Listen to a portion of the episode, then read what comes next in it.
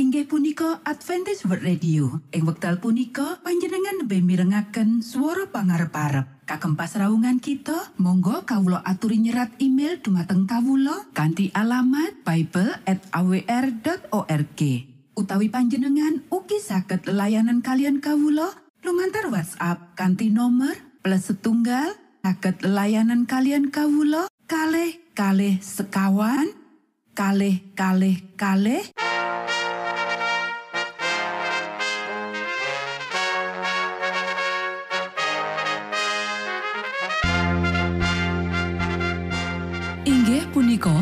Adventist World Radio ingkang giaran kanti basa Jawi. Tentrem Rahayu kula aturaken kagem para mitra kinasih ing pundi papan lan panggonan. Sugeng pepanggian malih kalian Adventist World Radio. Kanti bingahing manah Kulo badi sesarengan kalian poro mitra kinasi. Lumantar saperangan adicara ingkang sampun rinonci. Mligi kagem panjenengan sami. Mugi giaran punika saged migunani tuen dados berkah kagem kita sedoyo. Sugeng midhangetaken Gusti amberkahi.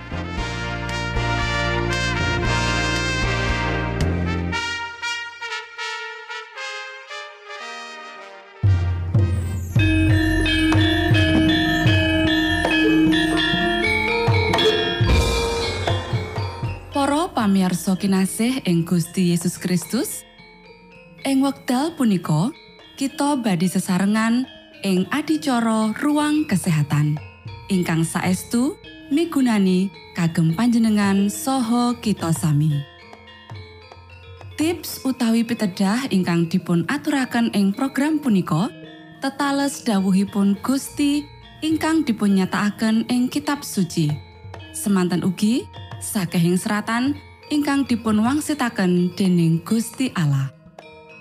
Nanging saderengipun, monggo kita sami midhangetaken kidung pujian.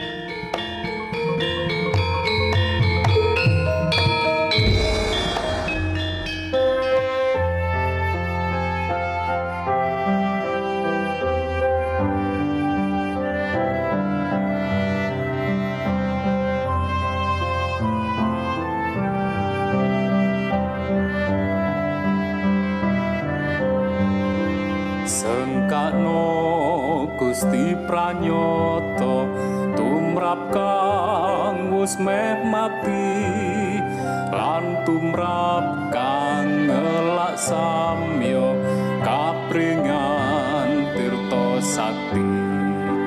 Manakang ngasor lan suci Gusti mirsa lan nampi kang samyo wuto ing driya antuk pandulu mukti.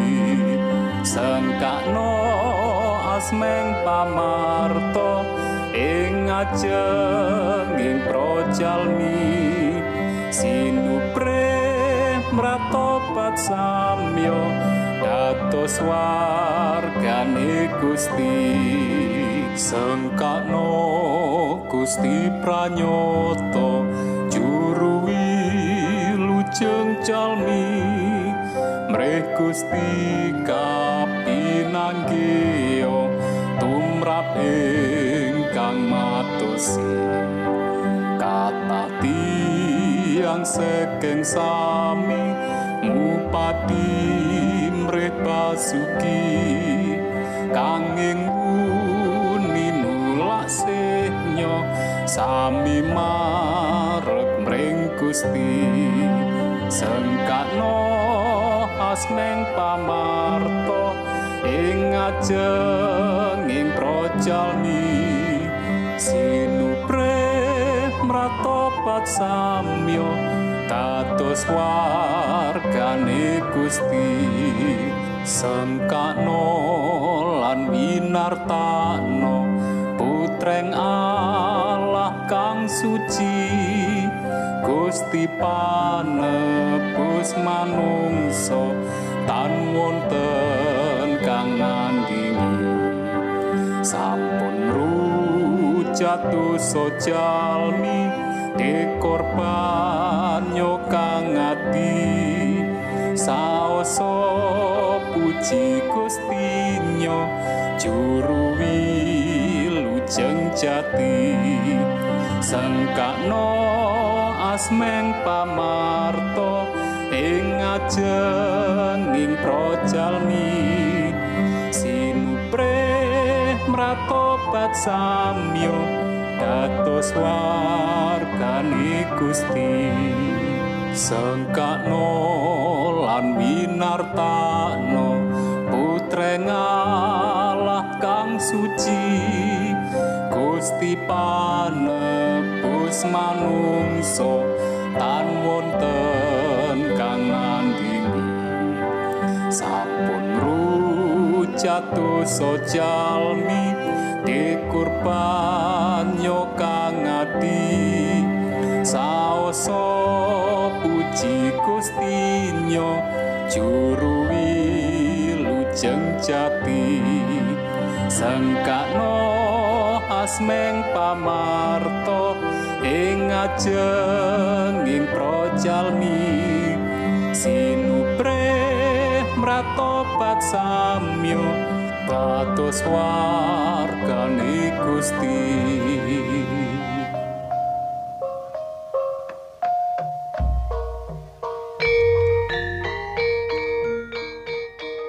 Para Mitra Sutrisno Puji syukur dumateng Gusti ingkang murbeng dumati ingkang sampun kepareng paring wewenngan kagem kita. Satemah saged nglajengaken ruang kesehatan. Pirembakan kita semangke kanthi irah-irahan. Pengaruh marang ngajeni kayekten.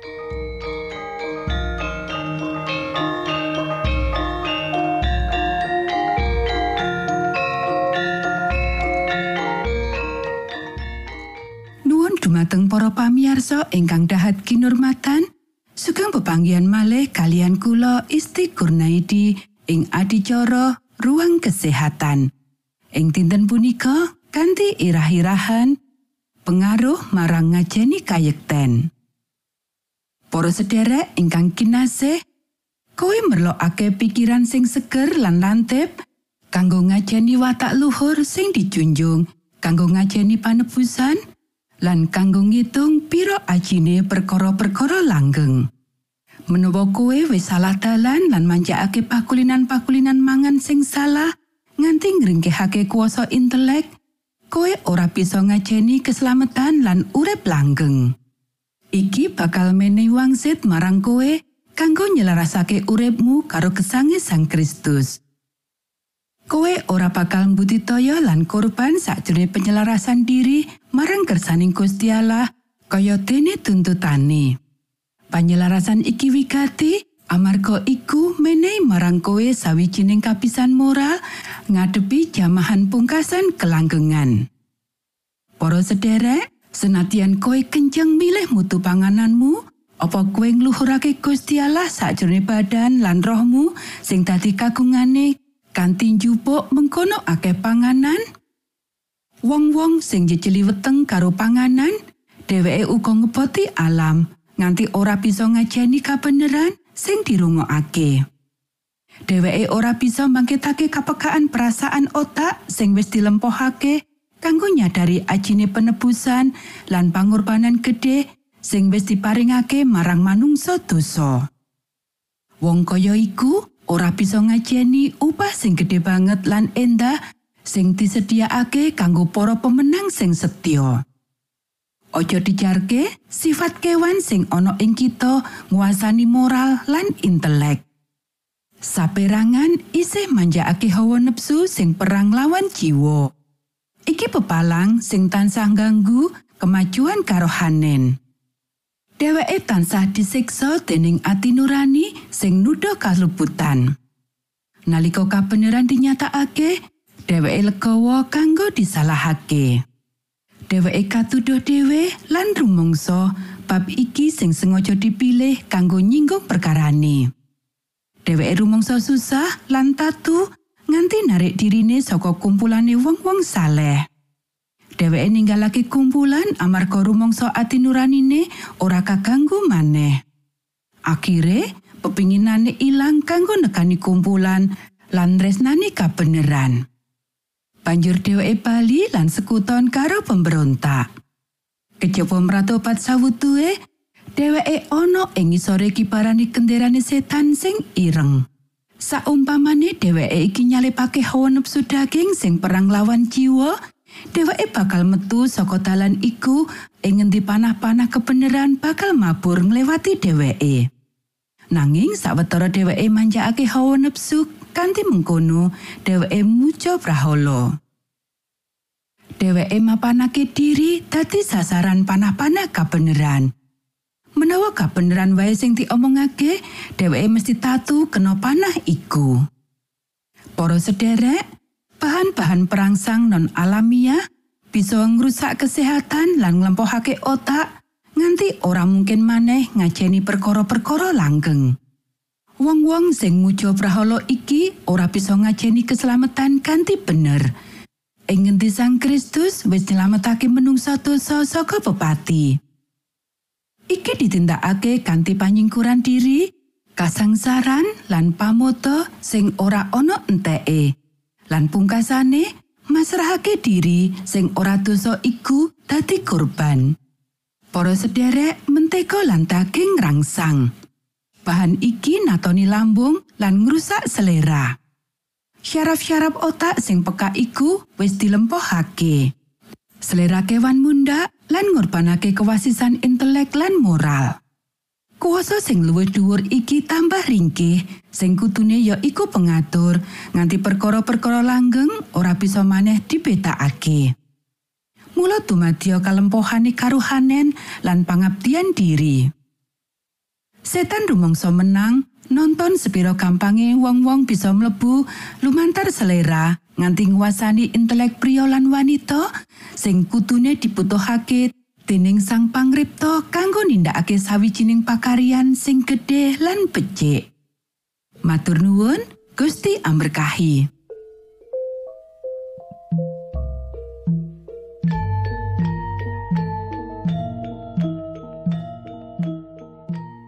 Cekap semanten pimbakan ruang kesehatan ing episode dinten punika.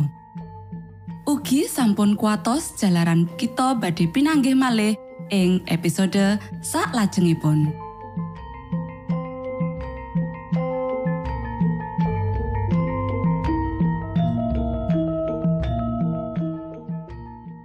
Inggih punika adicara ruang kesehatan. Menawi panjenengan gadah pitakenan utawi ngersakaken katrangan ingkang langkung, monggo kulo aturi. Kinton email dateng alamat ejcawr gmail.com utawi lumantar WhatsApp kanti nomor 025 pitu 00 songo songo papat 00 pitu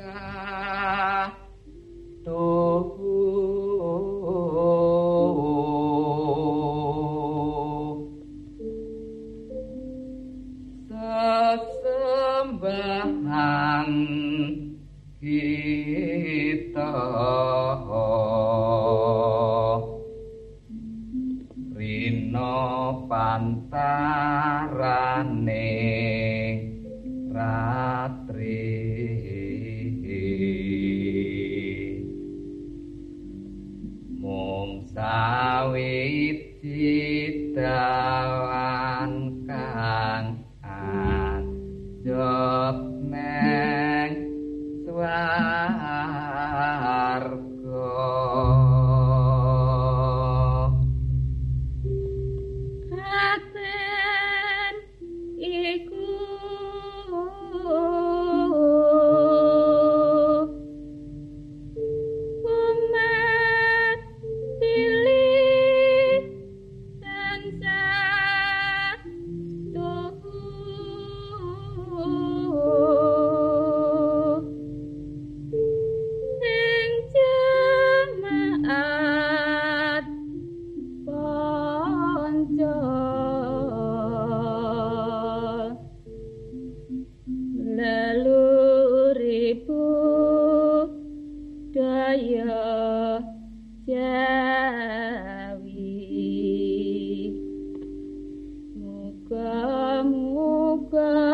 happy.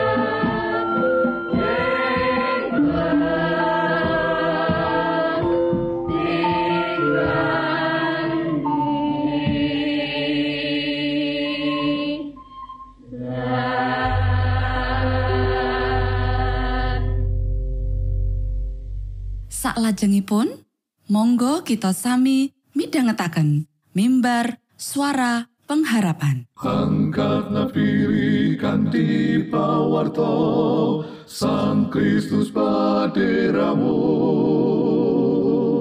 Pro umat samyo puji asmanyo Sang Kristus paderamu.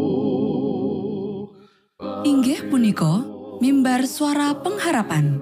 Ing episode punika kanthi irah-irahan. Opo sing kita kurbanake kanggo swarga? sugeng minangka tondo Sang Kristus paderamu ilmu kawero tambah tambah. Sang Kristus paderamu paderamu paderamu Sang Kristus paderamu Shalom para pamirsa ingkang kinasih wonten ing Gusti. Sakmenika kita badhe midhangetaken renungan Sabda pangantikanipun Gusti. Ing dinten punika kanthi irah-irahan Apa sing kita kurbanake kanggo swarga? Para sederek ingkang kinasih wonten ing Gusti, dawuh pangantikane Gusti ing kitab Markus pasal rolas ayat telung puluh lan telung puluh siji yaiku Sira tresno marang Allahira kalawan kumolonging atinira lan kalawan kumolonging nyawanira sarta kalawan kumolonging budinira apa dene sakabehing kakuwatanira Dene pepakon kang kapindho yaiku sira tresno marang ing sapepadanira kaya marang awakira dhewe ora ana pepakon liyane kang ngungkuli pepakon loro iku. Para sedherek ingkang kinasih, sanadyan akeh kang mangerteni kabeh iki, nanging padha milih kanggo terus ana jroning dosa lan kabodohane. Lan Gusti Yesus isih ngundang wong-wong mau. Kita kudu nindakake kayekten saka sabdaning Gusti Allah lan kita kudu mituhu. Menawa kita nindakake iki, kayekten iku bakal duwe pangaribawa suci ing urip kita. nyawisake kita kanggo kratoning kamulyan. Supaya nalika kori sepalin nirma katutup, kita bisa ndeleng Sang Prabu ing kaendahan lan manggon ana ing ngarsane ing salawas-lawase. Lan saiki pitakonane ya iku, apa kita gelem ngurbanake? Sira padha metuwa saka ing antarane wong-wong mau lan padha pisao. Pangantikane pangeran. lan ojo ngepok bareng kang najis. Aku bakal nampani sira lan bakal dadi ramanira lan sira bakal dadi anak-anak ingsun lanang lan wadon. Mangkono pangantikane pangeran kang moho kuoso. Janji kang endah banget.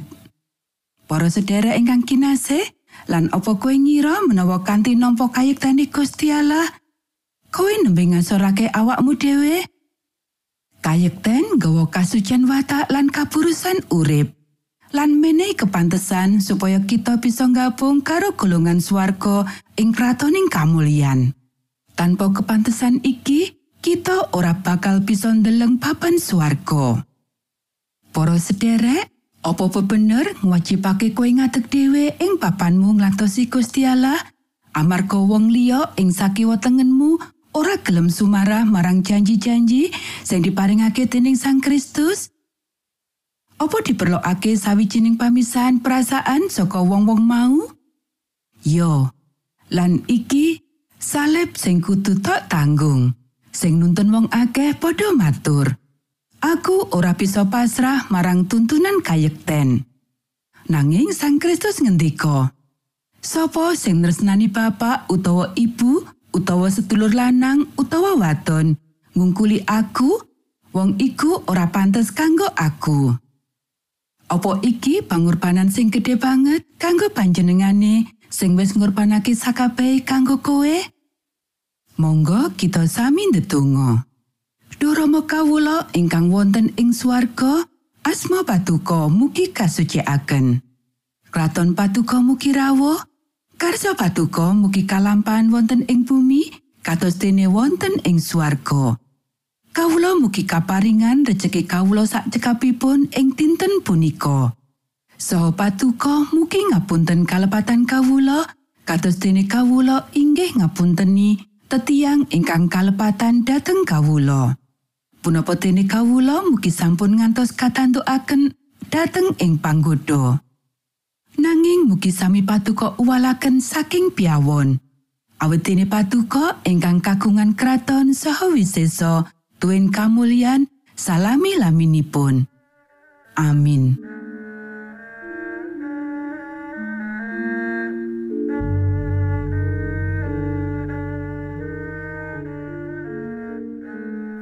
Mitra Sutrisno pamiarsa kinasih ing Gusti Yesus Kristus. Sampun paripurno pasamuan kita ing dinten punika. Menawi panjenengan gadah pitakenan utawi ngersaakan seri pelajaran Alkitab suara nubuatan Monggo Kulo aturi kinton email dateng alamat ejcawr gmail.com utawi lumantar WhatsApp kanti nomor 025 pitu 00 songo songo papat 00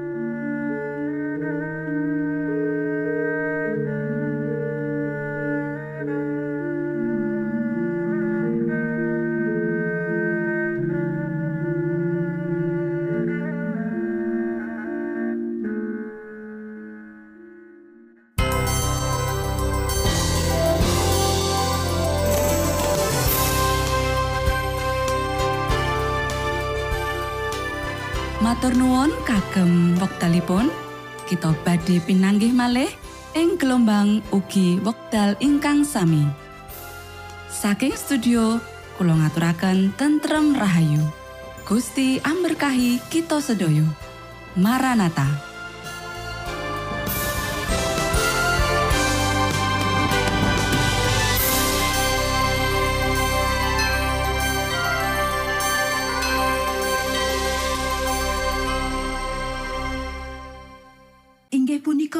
Adventist World Radio. Ing wekdal punika panjenengan lebih mirengaken swara pangarep-arep. Kagem pasraungan kita, monggo kawula aturi nyerat email dumateng kawula kanthi alamat bible@awr.org.